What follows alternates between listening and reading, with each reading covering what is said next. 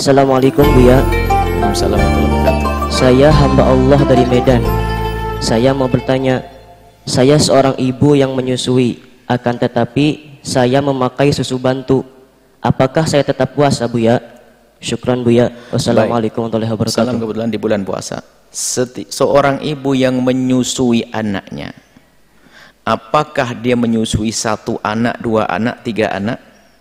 Atau menyusuinya adalah tidak sering pada ada susu bantunya. Yang jelas kalau dia menyusui dan di saat dia menyusui itu ada di saat menyusui ada pengaruh kekhawatiran akan fisiknya menjadi lemah karena energinya diambil atau kekhawatiran akan bayinya kalau seandainya nggak disusui nanti takut tambah nggak sehat dan sebagainya.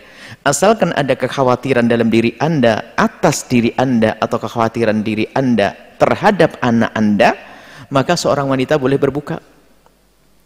Dan ini kemurahan dari syariat. Biarpun ada susu bantunya selagi memang anda perlu untuk menyusuinya maka boleh berbuka puasa. Dilihat kalau memang kekhawatiran anda akan diri anda kalau anda nyusui berat terasa lapar berarti anda berbuka karena diri anda sendiri maka cukup mengkodok saja.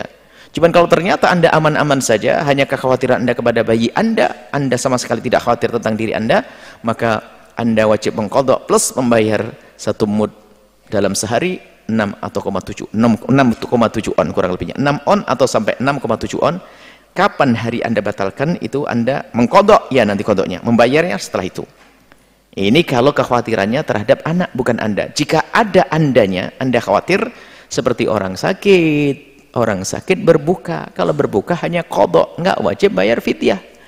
Yang bayar fidyah karena kita khawatir akan orang lain bayi kita.